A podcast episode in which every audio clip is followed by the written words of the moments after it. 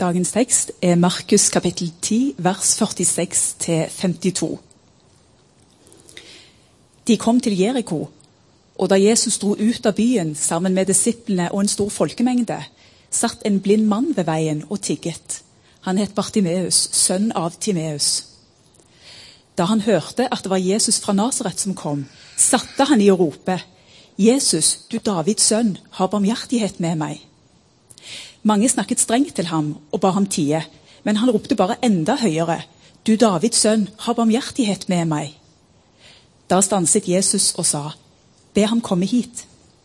De ropte på den blinde og sa til ham, 'Vær ved godt mot, reis deg, han kaller på deg.' Mannen kastet kappen av seg, sprang opp og kom til Jesus. 'Hva vil du jeg skal gjøre for deg?' spurte Jesus. Den blinde svarte, 'Rabuni, la meg få synet igjen.' Da sa Jesus til ham, 'Gå du, din tro har frelst deg.' Straks kunne han se, og han fulgte Jesus på veien. Slik lyder Herrens ord. Jeg tror på helbredelse ved bønn. I de senere år har jeg kanskje overvunnet noen sånne personlige barrierer som jeg har hatt uh, underveis på det området, og liksom være litt frimodig på at når jeg blir invitert inn i det, så ber jeg om helbredelse. Noen ganger bruker jeg kanskje en flaske med olje, sånn som vi prester av og til gjør, men det kan egentlig hvem som helst gjøre, for det er noe som Nytestamentet sa at ledere skulle gjøre når de gjorde akkurat det. Så ber jeg en enkel bønn, og så kan det skje på litt forskjellige måter. Det har vært fint også å være sammen med andre som har en uh, erfaring og en frimodighet i forhold til akkurat dette her, til å gjøre det sånn at det oppleves ikke unaturlig og kleint, men noe som er respektfullt og fint. Jeg har også vært i nærheten av folk som har sterke erfaringer med helbredelse. Å få lov til å stå i den tjenesten jeg tror også jeg har vitnesbyrd og eksempler på at det har skjedd noe ved bønn. Å være sammen med mennesker som har opplevd helbredelse, det, det gjør et umåtelig sterkt inntrykk. Og det er mange av dem som sier at de savner et eh, større fokus på den siden av Jesu virksomhet noen ganger iblant oss. Men jeg strever fortsatt med å håndtere skuffelsen både jeg og de syke kjenner på når bønnen tilsynelatende ikke gir resultater. For det gjør den ikke alltid. Og Det er fortsatt et av de områdene i min tjeneste der jeg har flest spørsmål og ikke er fornøyd med alle svarene jeg får. Men det kan være en trigger til å miste motet av og til i forhold til hele budskapet jeg har å komme med. Jeg har flere bøker i hylla som forsøker å forklare hvordan vi som ber, kan bli mer effektive, så Guds kraft får mulighet til å virke. Andre bøker skriver om fallgruvene i en hebredelsestjeneste. Om sårbare mennesker som har kjent seg invadert, tråkket på, selv om intensjonene var aldri så gode. Så er det kanskje sånn at En del av oss vi bør ha tilegnet oss nok teoretisk kunnskap om det ene og det andre i denne. At vi kanskje ikke skal bruke så mye tid på å prate om det, men gjøre det. Og Da begynner det med spørsmålet som Jesus spilte, som var et veldig viktig spørsmål. Han modellerer noe helt avgjørende. For han han sier, 'Hva vil du at jeg skal gjøre for deg?' Og så tar han det derfra. Da er vi inne i dagens fortelling, men først har jeg lyst til å zoome ut litt. De av dere som ikke går her hver gudstjeneste, så har vi tids, den tidslinjen som vi har jobbet oss gjennom Gamle testamentet med fortellinger. Og nå er vi i Det nye testamentet. Og på mange måter så er det liksom søndagsskolefortellingene som er plukket opp og satt inn i en stor fortelling, sånn at det ikke bare skal oppleves som løsrevne historier for barna, men at vi ser at dette er ikke eventyr, men ting som har skjedd i et tidsløp. Og Vi er en del av denne fortellingen. Det er en vakker måte, en, en god pedagogisk måte å bli kjent med Bibelen på, som eh, vi har tenkt at det trenger også vi voksne. I dag er det denne fortellingen om Bartimeus som noen av oss som gikk på søndagsskolen da vi var liten, så lærte vi om Bartimeus. Det er et navn som mange kan. I hvert fall de som har fått lov til å, å gå og høre om disse fortellingene. Og så stiller jeg det samme spørsmålet nå som, som jeg ofte stiller. Har denne Bartimeus-fortellingen noe å si til oss som er voksne i dag? På tidslinjen så er vi inne i det Jesus begynner sin tjeneste. Han har forberedt seg, han har blitt døpt. Vi møtte han sist gang i forhold til at han kalte disipler. Nå er han i gang med å gjøre de tingene som han var kommet for å gjøre. Og En veldig viktig del av hans tjeneste i de tre årene han hadde, det var at han ikke bare snakket, Men han gjorde, og mye av det han gjorde, det var å helbrede i Guds kraft. Hvorfor gjorde han det, og hva var det med disse helbredelsene? Vi må zoome ut bitte litt før vi går inn i den enkeltfortellingen. og Da sier jeg bare helt kort Undergjerningene de forteller noe om Guds rike, og det var det viktigste i Jesu forkynnelse. Han sa at Guds rike er kommet, Guds rike bryter gjennom. Og det demonstrerte han på et vis ved at han helbredet mennesker som var syke. På den ene siden så kommer Jesus med Guds rike når han viser sin makt over sykdom og naturlover. Og på den andre side så vet vi at Guds rike er ikke kommet i all sin velde, for alle kan se fortsatt i dag at alt ondt er ikke utryddet. Det ble ikke sånn at ondskapen var borte de tre årene Jesus gikk rundt på jorda heller. Det var En som brukte uttrykket at Jesu undergjerninger lindrer menneskers lidelser som en type overgangsstønad, men tar dem aldri helt bort fra dette livet. Og Det gjaldt også for de som han hebreder, for alle Jesus vekket opp, også fra de døde, de møtte før eller senere døden på nytt. Sånn sett så er helbredelser og under forkynnelse mer enn noe annet. Forkynnelse om hvem Gud er, hva han gjør, men like mye hva han vil gjøre. Og Det er også viktig å forstå hvilket samfunn Jesus virket inn i. Blinde, lamme, syke hadde på den tida ingen forutsetninger på samme måte som oss i dag for å leve noenlunde normalt i et samfunn. Det var umulig for dem i praksis å tjene til livets opphold og omgås andre mennesker. Og det var også umulig nesten å være en del av et religiøst fellesskap fordi de hadde en sykdom, en kronisk sykdom. Det var ingen steder i samfunnet det ble lagt til rette for at alvorlig syke kunne bli inkludert og ha muligheter til å leve det gode liv. Det Jesus gjør, er radikal demonstrasjon av det bildet måte av Gud. At Gud ønsker at syke, friske, alle skal tas imot og være med i fellesskapet. Han viser oss noe av Guds hjerte ved å gi dem så mye oppmerksomhet som han gjør hver eneste dag tydeligvis når han går gjennom landsbyene. Og Derfor så var det radikal og nesten tror jeg, provoserende godhet Jesus holdt på med bare ved å gi de syke oppmerksomhet sånn som han gjorde. Han viser oss noe av Guds hjerte. Et sted i Johannesevangeliet så får vi et glimt inn i det krevende synet som datida hadde på sykdom. Det er disiplene som spør i kapittel 9. Rabbi, hvem er det som har syndet? Han selv eller hans foreldre, siden han ble født blind? Møte med en som Jesus blir utfordra på om han kunne helbrede. Og Jesus han bare avviser blankt den sammenhengen de forsøker å skape. Han svarte verken han eller hans foreldre har syndet, men nå kan Guds gjerninger bli åpenbart på ham. Det er akkurat som om han på en måte avviser en sånn kobling til fortiden i det menneskets liv men han ser framover. Vi kan også bli veldig opptatt av årsaker. Hvorfor er sykdommen kommet? Kan, kan det, ha, altså, det, er jo en religion som på mange måter er bygget på dette. For det egentlig disiplene spør om, er litt det samme som hinduismen sier. Altså at, har du dårlig karma siden du har så mange sykdommer? Er det noe du har gjort i et tidligere liv? eller er Det noe, må, det må jo være en grunn til at du har det sånn som du har det. Og lidelsen kommer jo ingen, kommer ikke bare sånn fra ingen sted fra. Og så plasserer de det ofte i det individuelle livet. Og det gjør ikke Jesus. Han avviser det. Vi skal ikke gå for mye på jakt etter skyld og årsaker. Når det skjer helbredelser, så peker det alltid framover. Ikke som en fortjeneste som denne personen nå skal på en måte kassere inn. Men han ser framover. Dette er et tegn, ikke bare for deg, men for alle de som står rundt deg, på at Guds rike er i ferd med å bryte igjennom, og at en dag der framme skal Guds rike få sin endelige fullbyrdelse. Ja, Sykdommen bekrefter kanskje at verden er under syndens tilstand. Det forteller noe om måte, alt som er kommet i ubalanse og som er skakkjørt. Men som en generell regel skal vi ikke lete etter koblinger til den enkelte menneskets synd. noe de har gjort, For da trår vi fryktelig lett feil. Og forresten, Det må jo ha vært utallig mange mennesker Jesus ikke helbredet. For det er tydelig at han drev lite med massehelbredelser. Det er én og én han møter og tar seg av. Han tok seg tid til den enkelte, han så den enkelte. og Da er vi inne i denne konkrete fortellingen om Bartimeus.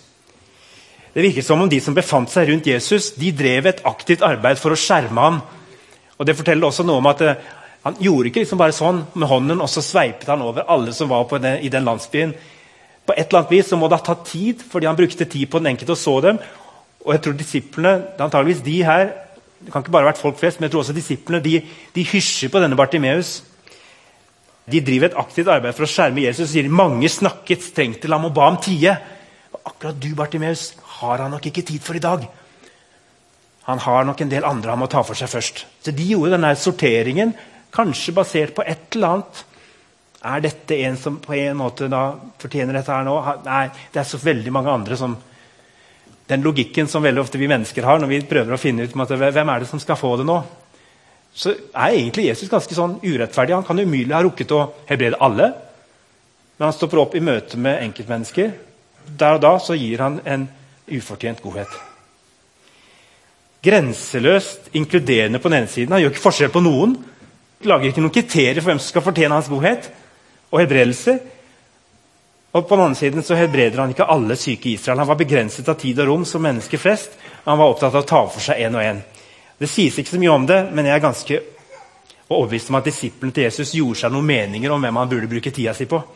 Hvem han valgte å helbrede, og hvem han ikke rakk å helbrede. Det må ha vært noe litt sånn uforutsigbart i Jesu måte å opptre på. Jeg lurer på, Hva sier det oss i dag?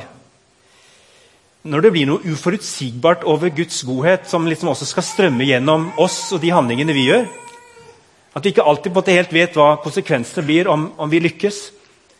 Det er akkurat som nåden.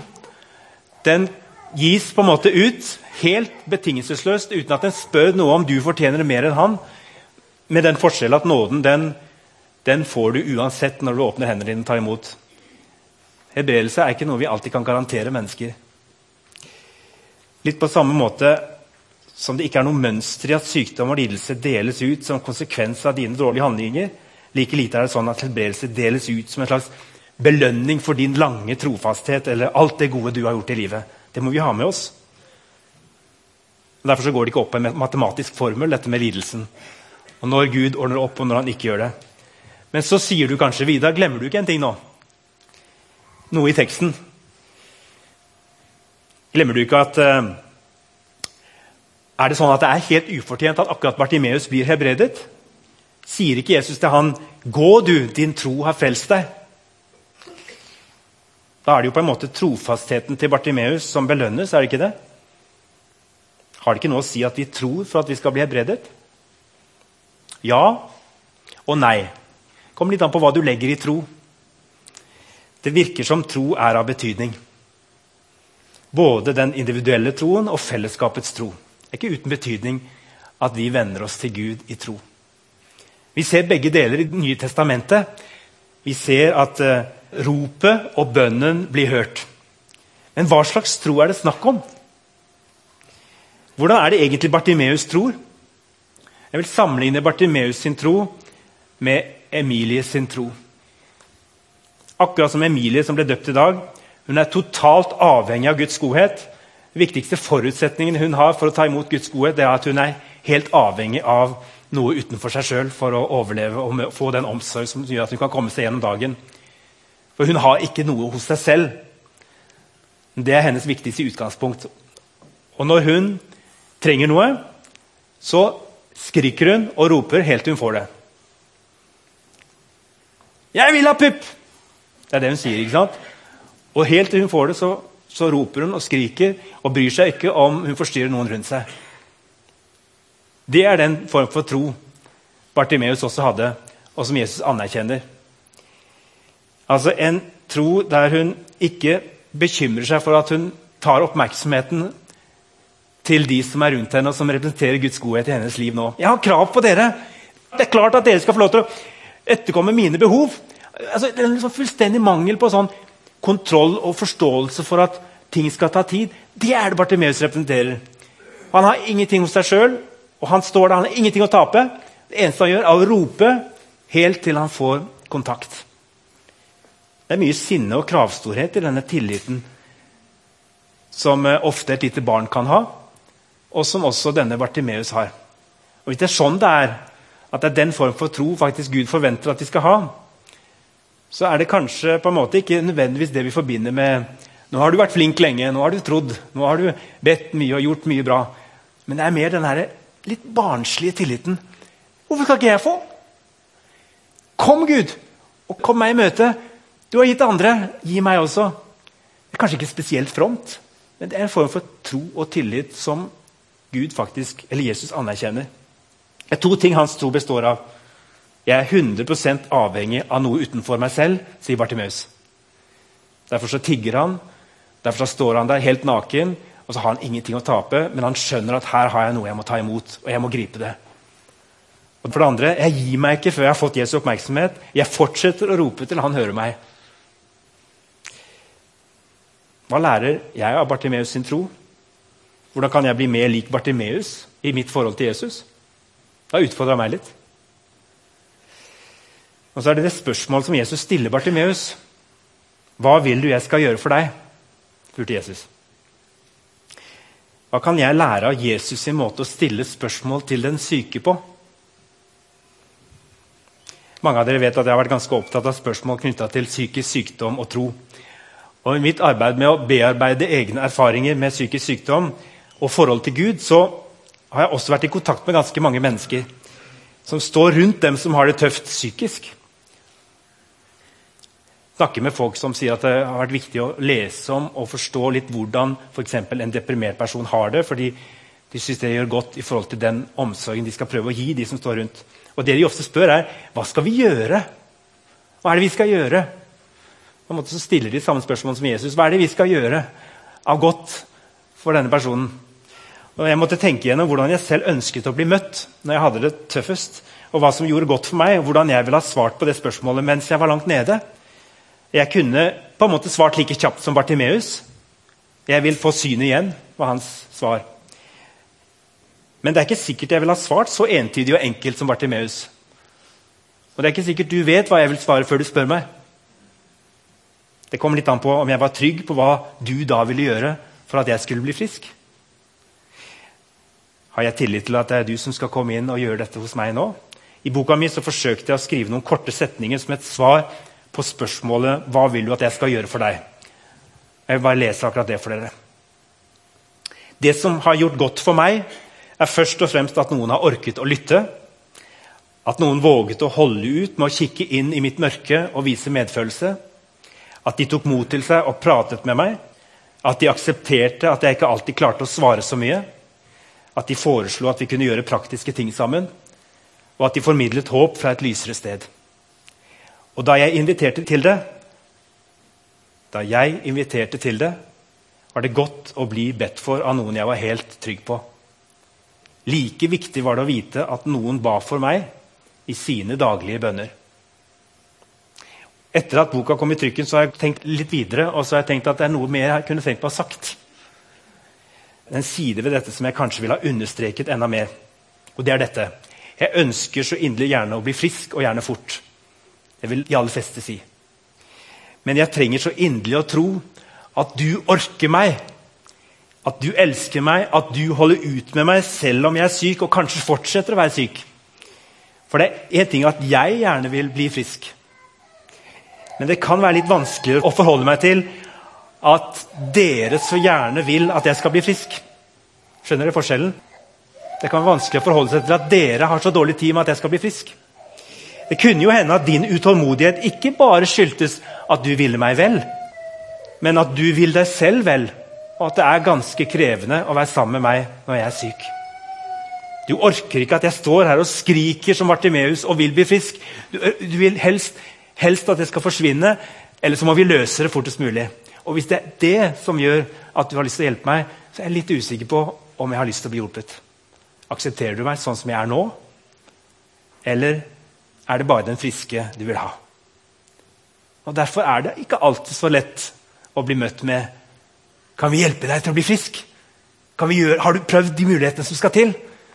Ja, jeg vil gjerne bli frisk. Men jeg vil være 100% trygg på at du er like glad i meg om Gud svarer på bønnen, finner medisinen, finner behandlingen eller ikke. Kan jeg være trygg på det?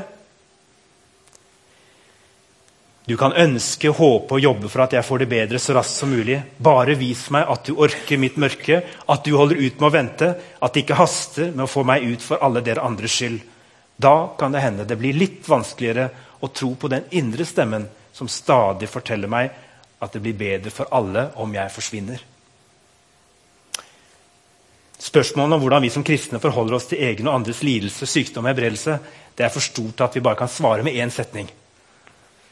Vi må klare å holde fast på minst to motsetningsfylte setninger samtidig. Vi trenger å snakke om Guds muligheter. Vi trenger å snakke om at vi har noe med oss som ikke legevitenskapen har. Selv om jeg tror Gud arbeider gjennom legevitenskapen. Vi må tro at vi har tilgang på en overnaturlig kraft, og at Guds rike kan komme overnaturlig og radikalt her og nå det var En som sa det til meg forrige dagen, at jeg tror, jeg tror dere i bymenigheten skal få oppleve noe helt spesielt. Noe som skal bare være litt sånn Så dere er helt sikre på at dette kan dere ikke bortforklare. Jeg tror dere skal få et par sånne opplevelser i, i tida som kommer. Og jeg sa takk og lov, det ønsker jeg veldig gjerne. At vi skal få glede oss over noe som vi bare kan si halleluja, dette er bare Gud. Det betyr ikke at ikke Gud jobber med oss i alle andre ting også. men jeg, jeg unner oss å oppleve noen sånne håndtrykk som kan være som tegn for oss på at Guds rike er på gjennombrudd i våre liv og i vår menighet og i Sandnes. Men vi skal også si det andre. Hvordan møter vi hverandre med verdighet og respekt for at vi ikke sitter på hele vettet og innsikten i hva som skal til for at ting skjer her og nå, eller om vi må vente, eller om det skjer først når alle ting skal bli nye. Vi har ikke hel og full innsikt i det, noen av oss. Uansett hva slags tjeneste og gave vi har. Og Den verdigheten og respekten skal vi ha med oss når vi snakker om Guds muligheter. For vi står der ikke som Jesus, men vi står der som en av hans etterfølgere. Jesus var nok helt overbevist om hva som skulle skje i de øyeblikkene han gikk inn i disse situasjonene. Og Likevel så stilte han dette spørsmålet med respekt. Hva vil du at jeg skal gjøre? Velkommen inn på kontoret. Velkommen fram til forbønn når det skulle være. Det er aldri et nei i min munn og andres munn i menigheten hvis noen ønsker at vi skal be om hebredelse for sykdom. Det kan vi gjøre mange ganger. Vi kan gjøre det om og om igjen. Det er ikke sikkert vi står her og basunerer ut så veldig mye i gudstjenesten i det store rommet. Jeg foretrekker kanskje at det skjer etter gudstjenesten, at det skjer på kontoret, men andre tenker annerledes. Og noen har sagt og det lærer jeg meg, noen har sagt at hvis de hadde visst at hver eneste menighetskontor hver eneste kirke har denne muligheten, så hadde vi strømt mer til kirkene. For de kommer i hopetall til det bønnesenteret inne i Stavanger som IMI har laget. For der sies det ettertrykkelig at her skjer nettopp det bønn for helbredelse. De lover ingenting, men de sier i dette rommet foregår det regelmessig. Og det har jeg tatt til etterretning at kanskje vi må være tydeligere på å si at det tilbudet, det har vi. Men vi skal møte hverandre med respekt for at ikke vi har hele oversikten over Guds rikes frembrudd i enkeltmenneskers liv. Men han er her, og han gir oss disse tegnene som vi skal gripe når de kommer. Og skal vi takke for dem. Og så ser Jesus den enkelte og tar seg tid for den enkelte. Ikke en enkel hånd sånn som bare ordner alt på en gang. Men han tar seg tid, stopper opp foran Bartimeus, foran Vidar og foran den enkelte av dere og sier hva vil dere at jeg skal gjøre for dere? Og så er det han som må komme med svaret og løsningen. Kjære himmelske Far, kom til oss i vår lidelse, i vår glede, i våre hverdager som har brutale omstendigheter noen ganger, og som av og til drypper av lykke og glede, som dåpen som skal feires i dag. Herre, må du gå med alle i våre liv, og la oss få lov til å kjenne at det drypper godhet på oss alle sammen, sånn at vi holder ut løpet, holder fast på troen på deg, du som har gjort alle ting nye, og som skal eh, forløse hele denne jordkloden som bæres på sine skjevheter. Og Vi ser fram til det med, med glede og forventning. I Jesu navn. Amen.